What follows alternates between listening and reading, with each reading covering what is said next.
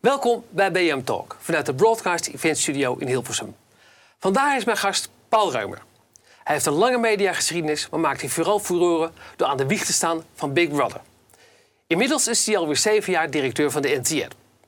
Paul, van harte welkom. Nou, dankjewel. En niet alleen in Nederland aan de wieg van Big Brother, maar ook in Amerika. Je stond eigenlijk ook aan de wieg van de lancering daar. Ja. En dus aan de doorbraak van Endemol.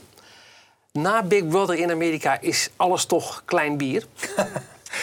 Nou ja, dat is heel grappig dat je dat zegt. Ik heb in die tijd wel eens tegen mijn vrouw gezegd... wat ik meemaak is waanzinnig. Maar ja, dit is waarschijnlijk het hoogtepunt in mijn carrière. Wat moet ik nou de rest nog? Dat is niet waar overigens. Eh, het was absoluut programmatisch de hoogtepunt in mijn carrière. En toen ik terugkwam, toen heb ik tegen John gezegd... John, volgens mij moet ik stoppen met programma's maken. Ik moet niet nog een reality gaan bedenken of iets anders gaan doen. Ik moet iets anders, eh, iets heel anders. En toen zei hij, weet je wat, waarom word je niet directeur van, eh van Endemol Nederland? Ja, daar heb ik over nagedacht. En dat, nou ja, dat is eigenlijk best wel grappig. Dus toen ben ik eigenlijk van programmamaker eh, ja, eh, directeur geworden. Ja. Een ander soort werk eh, waarop ik weer ja, nieuwe dingen moest leren. Was het niet enorm afkicken? Ehm, ja, ja, ja, ja. Als, ik, als ik terugdenk aan mijn, aan mijn Amerikaanse tijd, maar ook wel aan de Nederlandse Big Brother tijd, dan is het een soort film in mijn hoofd. Alsof ik het niet zelf heb gedaan, alsof ik er naar gekeken heb. Weet je. Ik heb zulke krankzinnige dingen meegemaakt. Eh, ik, ik ben geïnterviewd door Larry King. Eh, ik heb, eh, wat je wel eens in die films ziet, in die Hollywood-films, van die huizen met feesten en eh, drugs, dranken en seks en, en, en uit, Ja? uit, uit infinity pools, weet je wel. Ik heb het allemaal gezien. Ik ben er allemaal geweest, allemaal meegemaakt. Het was echt heel bijzonder. En ja, fantastisch om, om ja, zo'n avontuur bij te kunnen schrijven op je Ja. cv natuurlijk. Ja. Dus je bent daarna dus eigenlijk bestuurder geworden. Ja. Om ook een zijstapje te maken. ehm, je werd ook bestuurder nog een keer even bij Ajax. Ja, de Raad van. Commissarissen. Ja. Ik was misschien bijna vergeten. Nou, nee hoor. dat zijn, dat soort dingen die vergeet je niet. Nee, nee. dat was ook wat even hectische tijd, hè? Ja, het is wel wat anders. Hè. Of je nou directeur bent van een eh, heel groot productiebedrijf... of in een raad van bestuur van Endemol waar ik gezeten heb... dan ben je echt hands-on aan het werk. Eh, als je commissaris bent, ben je toezichthouder. Dat is wel een ander ding. Ik werd natuurlijk commissaris, omdat ik op een gegeven moment... Een, ja, ik had een, eh, een, een, een profiel. Ik had in Nederland eh Eredivisie Live eh, opgezet... samen met heel veel andere mensen. Daardoor zag de voetbalwereld mij ineens dat... nou ja, probleem bij Ajax, laten we die Reumer eens vragen. Ik heb daar toen de tijd ongeveer 0,3 milliseconden over moeten nadenken toen ik het telefoontje kreeg. Ik zei gelijk ja. Ik had er eigenlijk wat langer over moeten nadenken. Want dat voetbal is toch wel een hele andere wereld. Met een hele andere eh, eh, mentaliteit. Met andere, letterlijk andere wetten. En eh, eh, achteraf was het een geweldige ervaring. Had je me van tevoren gevraagd, als ik het geweten had... zou je het nog een keer doen? Zou ik zeggen nee. Nee. Maar achteraf heb ik toch niet spijt dat ik het gedaan heb. Want het is ook wel een enorme leercurve geweest. Ik heb heel veel geleerd over mezelf. En heel veel geleerd over de wereld van het voetbal. Zoveel dat ik zeker weet dat ik graag blijf kijken naar het voetbal. Maar bestuurlijk er nooit meer wat te maken mee wil hebben. Wat heb je vooral over jezelf geleerd?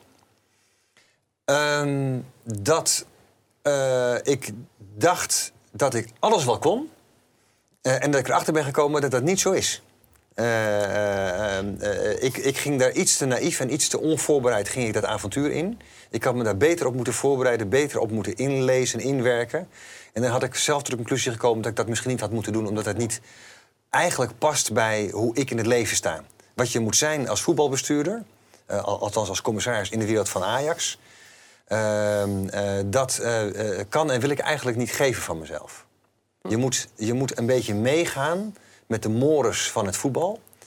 En als je het heel bot zegt, is voetbal eigenlijk mensenhandel. Het gaat heel erg over geld. Het gaat heel erg over transfers. Het gaat over het geld maken met transfers. En dat is op een bepaalde manier rukzichtloos. En dat ben ik niet. Ik voel me daar niet, eh, eigenlijk niet eh senang bij. Oké. Dat is wel opvallend. Dat je... Kom je nog wel bij Ajax trouwens? Nee. Ik, eh, Nee? Ik, ik, ik zie elke wedstrijd. Want ik ben nog steeds buitengewoon groot fan.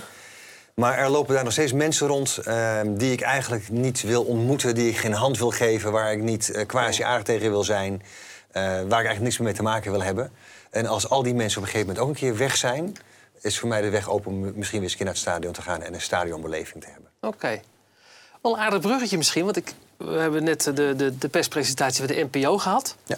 Na afloop zag ik jou toch even in de buurt staan van Jan Slachter.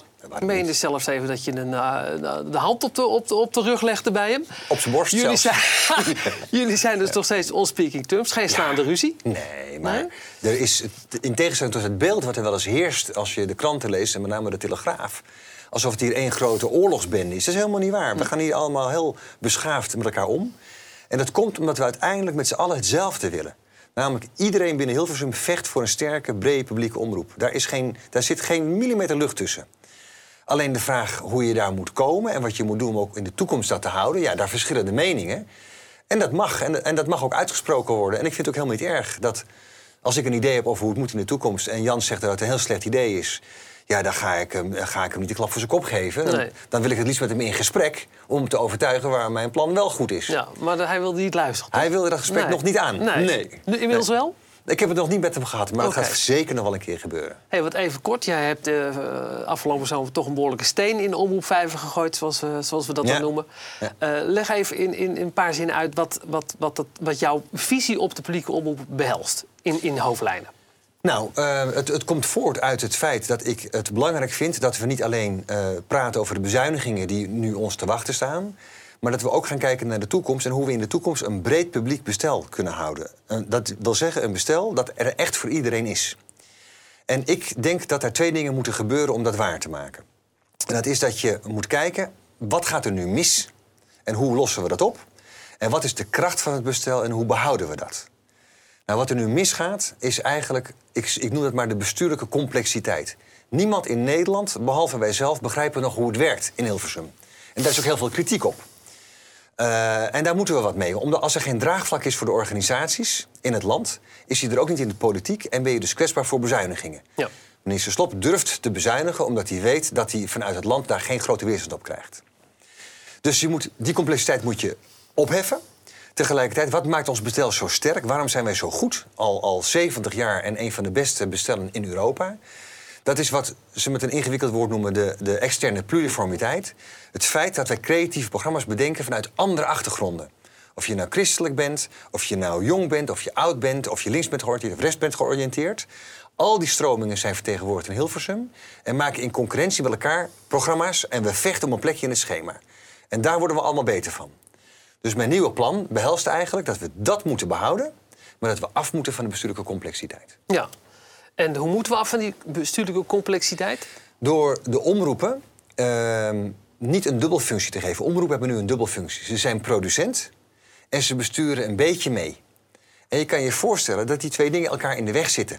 Want je hebt een belang als producent om veel te willen produceren. En als bestuurder heb je eigenlijk een algemeen belang om het geheel te dienen. Die twee zijn met elkaar in, in, in, in eh, botsing. Dus wat je eigenlijk moet doen, in mijn plan, is maak omroepen nou gewoon 100% producent. En laat het besturen over aan een klein clubje. En dat is dan eh, wat ik de NPO 2.0 noem. Die bestuurt, die, die maken de strategie en die, en die bepalen de schema's. En de rest doet alleen datgene waar ze het allerbeste in zijn. Nou, gewoon het maken van programma's en het aanleveren aan het centrale bestuur. Precies. En die NPO 2.0, zoals jij die noemt, waarin verschilt die dan van de NPO zoals we die nu kennen? Op alle mogelijke fronten. De NPO zoals we hem nu kennen, is, ehm, eh, eh, vind ik op dit ogenblik een beetje een rommeltje. Eh, Het feit dat we al, eh, eh, wat is het, al, al twee jaar geen netmanager op, op NPO 1 hebben, het belangrijkste net wat we hebben, is natuurlijk heel merkwaardig. Want Frans Klein is zowel directeur video algemeen als Ja, netmanager. als netmanager van Ja, 1. Ja. En in die zin is hij ook nog een keer de baas van netmanager 2 en van de NPO 3. Ja. Dus hij is en de collega en de baas. En je voelt wel, dat is qua governance is dat niet heel erg handig. Ik zeg niet dat hij het slecht doet overigens, maar het is gewoon governance technisch niet goed. Die netmanagers zijn heel machtig, want die bepalen wat er op de buis komt.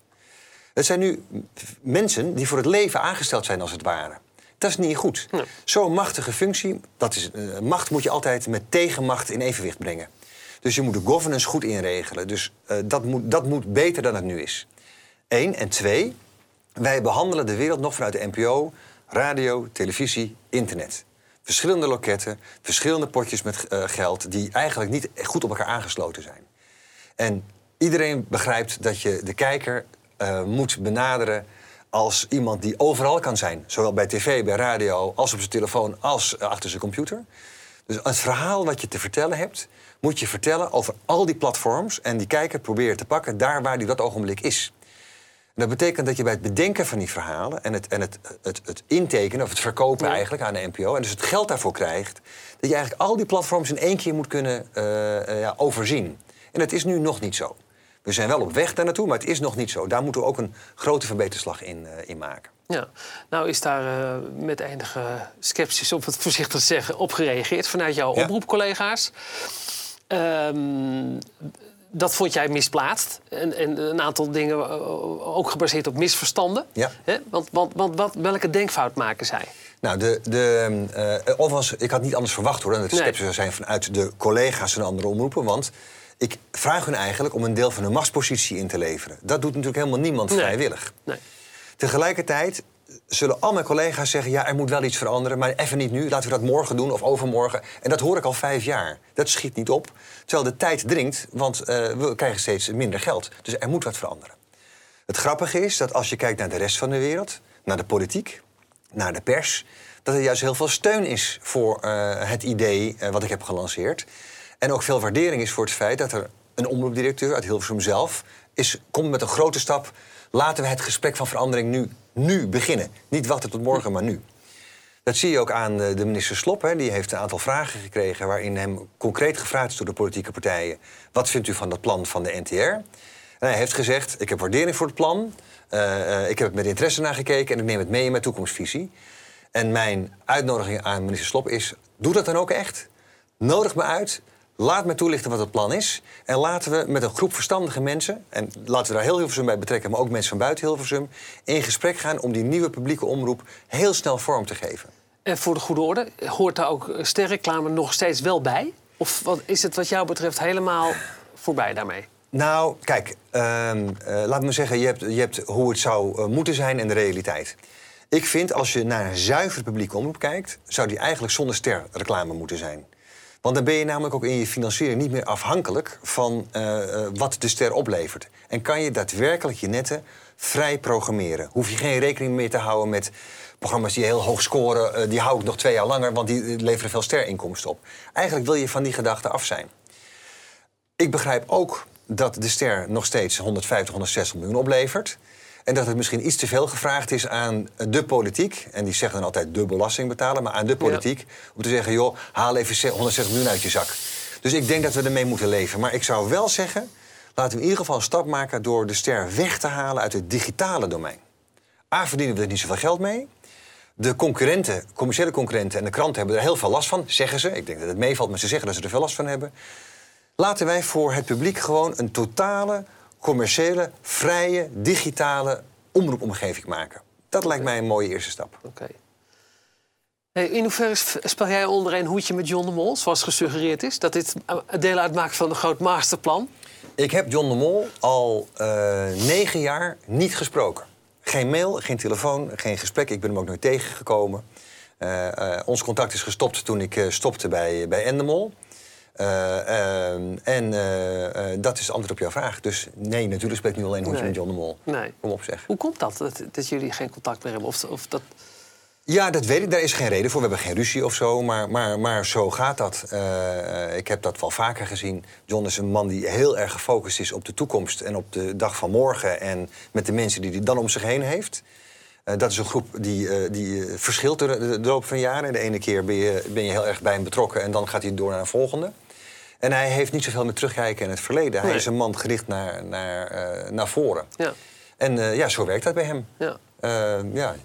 Jammer, maar helaas. Ik heb eens gezegd, ik zou, ik zou het heel leuk vinden... om nog wel eens een keer wat oude herinneringen op te halen... uit de waanzinnige avontuur wat we samen beleefd hebben... rond Big Brother en in Amerika. Dat zou, vind ik gewoon gezellig en leuk. Maar hij heeft aan dat soort dingen blijkbaar niet zo'n behoefte. Nee. Ja, prima. Oké. Okay. Vind je het Talpa Network te machtig in Nederland? Nee, dat kan je niet zeggen. Uh, uh, in Nederland, als je kijkt naar de, de, de tv-component... heb je Talpa, RTL, het publieke omroep... Uh, en de nieuwkomende buitenlandse aanbieders. Die markt is heel goed verdeeld. Ik denk wel dat hij op de radiomarkt opgeteld heel veel marktaandeel heeft. dus op de radiomarkt kan je zeggen, nou, daar heeft hij wel heel veel macht. Op tv is dat zeker nog niet zo. Nee. Stel nou dat hij toch weer het contact wil aanhalen en hij belt jou... Paul, Max gaat commercieel... Uh, Max gaat commercieel. Max gaat commercieel. Ja. Ik, ga, uh, ik, ik, wil dat jij dat gaat doen. Voor mij. Max. Max. Nee, dat, wil ik Jan, dat zou ik Jan niet aan willen doen. Ben je gek zeg? Dan krijg ik ruzie met Jan Slachter. Dan krijg ik echt ruzie met Jan Slachter. Dat wil ik niet. Nee. Nee, Nee. ik weet het niet. Kijk, ik, ik, ik, ik zal niet tot mijn pensioen bij de NTR blijven Nou, dat werken. was mijn volgende vraag. Ja. Haal jij je pensioen bij de NTR? Nee, zeker niet. Nee, daar ben, ik, daar ben ik zelf te dynamisch voor. En de NTR is een fantastisch bedrijf. Dat loopt als een zonnetje. Eh, we hebben nu wel wat problemen met de bezuinigingen, hè, zoals alle omroepen. Dus er, moet wel, er is nu wel even wat werk te doen. Maar dat is over een jaartje ook alweer voorbij. En eh, ik ben nu 55 en ik moet werken tot ik 67 ben, geloof ik, van, Ja. eh, van de overheid. Dus ik denk dat er naar deze baan zeker nog wel een andere baan op me staat te wachten. Ja, wat, wat, wat, wat zou je nou... Dat weet ik welke niet. ambitie of wat zou je nou leuk vinden? Nou, ja, kijk, mijn, wat ik leuk, wat ik, wat, waar, waar mijn interesse ligt, is in de ontwikkeling van ehm, de nieuwe mediavelden die er zijn. Hè? Eh, als kijker eh, heb je het nu hartstikke fijn, want je kan op elk moment van de dag overal vandaan eh, media naar je toe halen. Dat betekent dat er dus heel veel ruimte komt voor een nieuw soort bedrijf dat de kijker helpt in die, in die keuzes. Dat is dus niet het ouderwetse televisiebedrijf, dat is niet een ouderwets productiebedrijf, dat zijn nieuwe bedrijven. Die er, en die zijn er natuurlijk volop. Dat is wel waar mijn interesse ligt. Van hoe kan ik nou de oude wetten die er nog steeds zijn en die nog heel lang geldig zullen blijven, hoe kan ik die wetten nou eh, en de kennis daarvan, hoe kan, ik, hoe kan ik dat gebruiken om de kijker in zijn, in zijn vernieuwde mediaomgeving ja, eh, eh, van dienst te zijn? Nou, ik, het schiet me nou ineens te binnen. Ik begrijp dat, dat ze bij Animal Shine plannen hebben om, om in 2020 als... Of nee, volgend jaar, als Big Brother 20 jaar bestaat... Ja. weer te herlanceren in Nederland. Ja. Ik Nee. hoor de man... die- Nee, Dat heb ik al gedaan. De cirkel is rond. Nee, en, bij Animal Shine heb ik, eh, heb, ik, heb ik in de raad van bestuur gezeten. Dat is, Dat hoger is- kan je bijna niet. Nee. Hè? Eh, dat bedrijf, eh, en dat bedrijf is doorgegaan. Nee, dat, dat zou ik niet willen, want dan ga je weer terug naar, naar af. Nee, ik wil. Is ja, het wel een goed idee om, om Big Brother eh, eh, na 20 jaar weer terug te brengen? Nou ja, het is, eh, En dan- Big Brother is eh eerder een keer teruggekomen. Hè? Eh, bij Talpa nog eh, hebben we nog een, een serie gedaan. Eh, ja, dat, ik denk dat dat zeker kan. Alleen eh, dan moet je. Dat is niet de Big Brother van 20 jaar geleden. Nee. Dan moet je een, dat dat wordt een ander soort Big Brother. Ja. Maar het genre reality is nog steeds heel levend. Hè? Dat zie je aan, dat zie je aan nou ja, allemaal nieuwe programma's die er nog steeds gelanceerd zijn. Big Brother is toch een, een merk, met een, eh, is een sterk merk. En, en daar zit nog heel veel emotie aan vast. Dus ik denk dat dat zeker terug kan. Alleen je moet het wel anders gaan doen dan, je het, dan we het 20 jaar geleden deden. Dat, dat zullen zij ook begrijpen. Dat denk ik aan. ook wel. Hey, en vrees jij eh, 5 december alweer? Als iedereen naar de NTR kijkt wat ze met Sinterklaas gaan doen? Eh, nee, want eh, 5 december is de pakjesavond. Dan zijn wij klaar bij de NTR. Dan hebben we het allemaal gehad. Nou, eh, je weet en wat dan ik eh, bedoel. zit ik lekker. eh. Eh, nee, nee, eh, nee, vrezen zeker niet. Eh, natuurlijk krijgen we weer de discussie in meer of mindere mate. Dat, dat, dat Ja. is altijd een beetje van jaar naar jaar afhankelijk. We hebben eh, een aantal jaar geleden een koers ingezet. Eh, de koers van eh, de, eh, de, de, de, de, de, veeg, de, de, de veegpiet. Ja, oh, ja. En die koers die zetten we door, en ook dit jaar. En ehm, ik heb daar veel vertrouwen in dat dat weer helemaal goed gaat komen. Oké. Ben je wel geschrokken van, van die hele discussie en die polarisatie die, die is ontstaan? Nou ja, de, ik, ben, ik, ik, ben, ik schrik wel van de polarisatie. Maar überhaupt in de hele maatschappij over heel veel onderwerpen. Eh, Het, ex, de- het, harde, het extreme, waarbij de extremen ook steeds tegenover elkaar worden gezet. Terwijl ik ook weet, en dat geldt ook in de, in, in de Sinterklaasdiscussie... 80% van Nederland die heeft niet zoveel met die discussie. Die, die, die vindt het allemaal wel goed. Die vindt, die vindt goed, die vindt eh, Zwarte Piet goed, vindt Witte Piet goed. En men maakt toch wel zijn eigen keuze. De discussie is niet zo extreem in het land... als dat die wel eens in de media lijkt gevoerd te worden. En ik schrik wel van die hardheid. Hè. Ik schrik ervan als een, als een snelweg wordt afgezet... en eh, daar bijna eh, de ME moet inko- ingrijpen... Ik schrik ervan dat er mensen eh, een kinderfeest willen verstoren op een plein... door daar hele nare dingen te gaan roepen. Dan denk ik van, jongens, jongens, wat schieten we, wat schieten we door? Maar dat gaat verder dan de, dan de, dan de Sinterklaasdiscussie. Dat is hoe de is- maatschappij zich ontwikkelt. Ja. Dat heeft ook veel denk ik, met sociale media te maken. Met het feit dat iedereen een platform kan vinden. En dat die platformen in de klassieke media worden versterkt. Hè? Iemand heeft een, media, heeft een mening op Twitter die extreem is. Een dag later staat hij in de krant. En twee dagen later staat hij op een talk- is hij in een talkshow. Ja. En denk van ja, waarom is die mening van die particulier eigenlijk interessant? Ja. En al staat hij voor 500 man, waarom is dat interessant? Is dat nou echt waar het in het land over zou moeten gaan? Ja. Eh, daar heb ik nog wel eens, ik word een beetje een oude lul, maar dat ik af en denk van ja, zijn we, niet, we zijn we het midden niet kwijtgeraakt met z'n allen. Zijn we de nuance niet kwijtgeraakt. En hebben we er niet geen belang bij om dat eigenlijk weer een beetje terug te krijgen. Een beetje rust. Een beetje reflectie over dingen nadenken. In plaats van gelijk roepen, gelijk een mening geven... en gelijk ergens voor of tegen zijn. Nou, daarom maken we dit ook, Paul. Dat Nou ja, jij hartstikke rustig je goed. mening kwijt Maar kan. dat vind ik wel hartstikke fijn. Ik denk dat, dat daar moeten we meer van hebben. Ja. Paul Reumer, hartelijk dank dat je mijn gast was. Graag gedaan. Dit was BM Talk deze keer. Mijn volgende gast is eh, voor u een vraag. En voor mij nog veel meer. Tot de volgende keer.